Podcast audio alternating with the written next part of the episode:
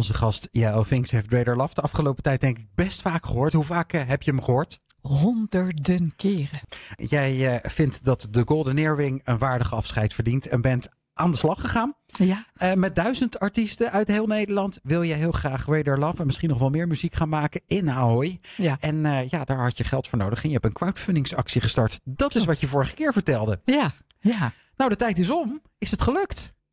30.000 euro Kijk. opgehaald in de zak. Dat is mooi. Jazeker. En, uh, en tegelijkertijd ook uh, een hele verantwoordelijkheid. Want dat betekent dat je dus nu aan de slag moet. Ja, maar we zijn, we zijn natuurlijk al lang aan de slag. Hè. We zijn al uh, eigenlijk een jaar aan de slag.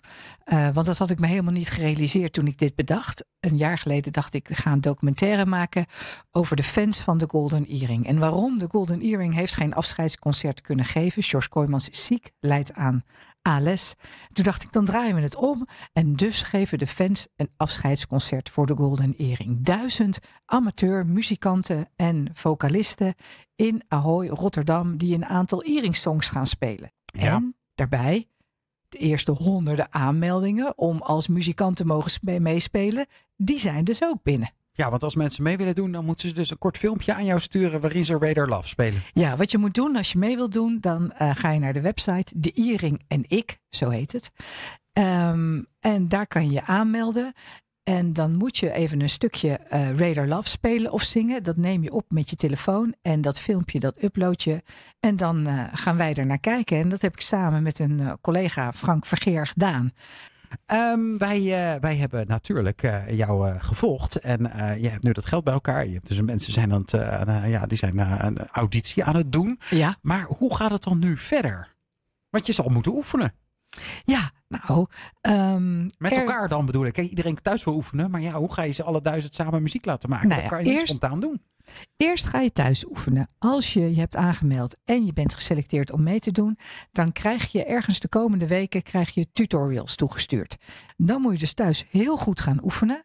En uiteindelijk gaan we ook bij elkaar komen.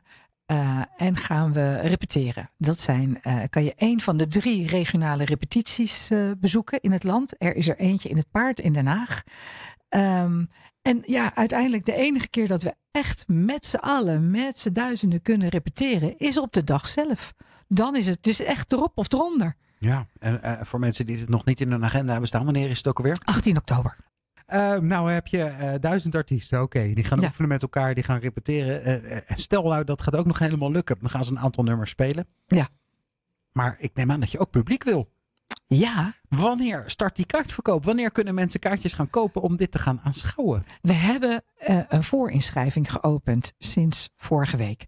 En dat betekent, vind je ook op die website, de Iring en ik, dat je je alvast eh, met je, mail, met je e-mailadres eh, kunt inschrijven. En voordat we dan met de echte ticketverkoop beginnen, eh, krijg je voorrang. Krijg je het eerder te horen dan de rest van Nederland en kan je dus met voorrang je kaarten kopen. Wij hebben het in onze agenda staan. Wij zijn er sowieso bij. Top! En uh, we blijven jou volgen. Zeker uh, zodra er gerepeteerd gaat worden, dan nemen we de camera ook even mee. En dan uh, zie je het hier bij Sleutels dat terug hoe het allemaal gaat.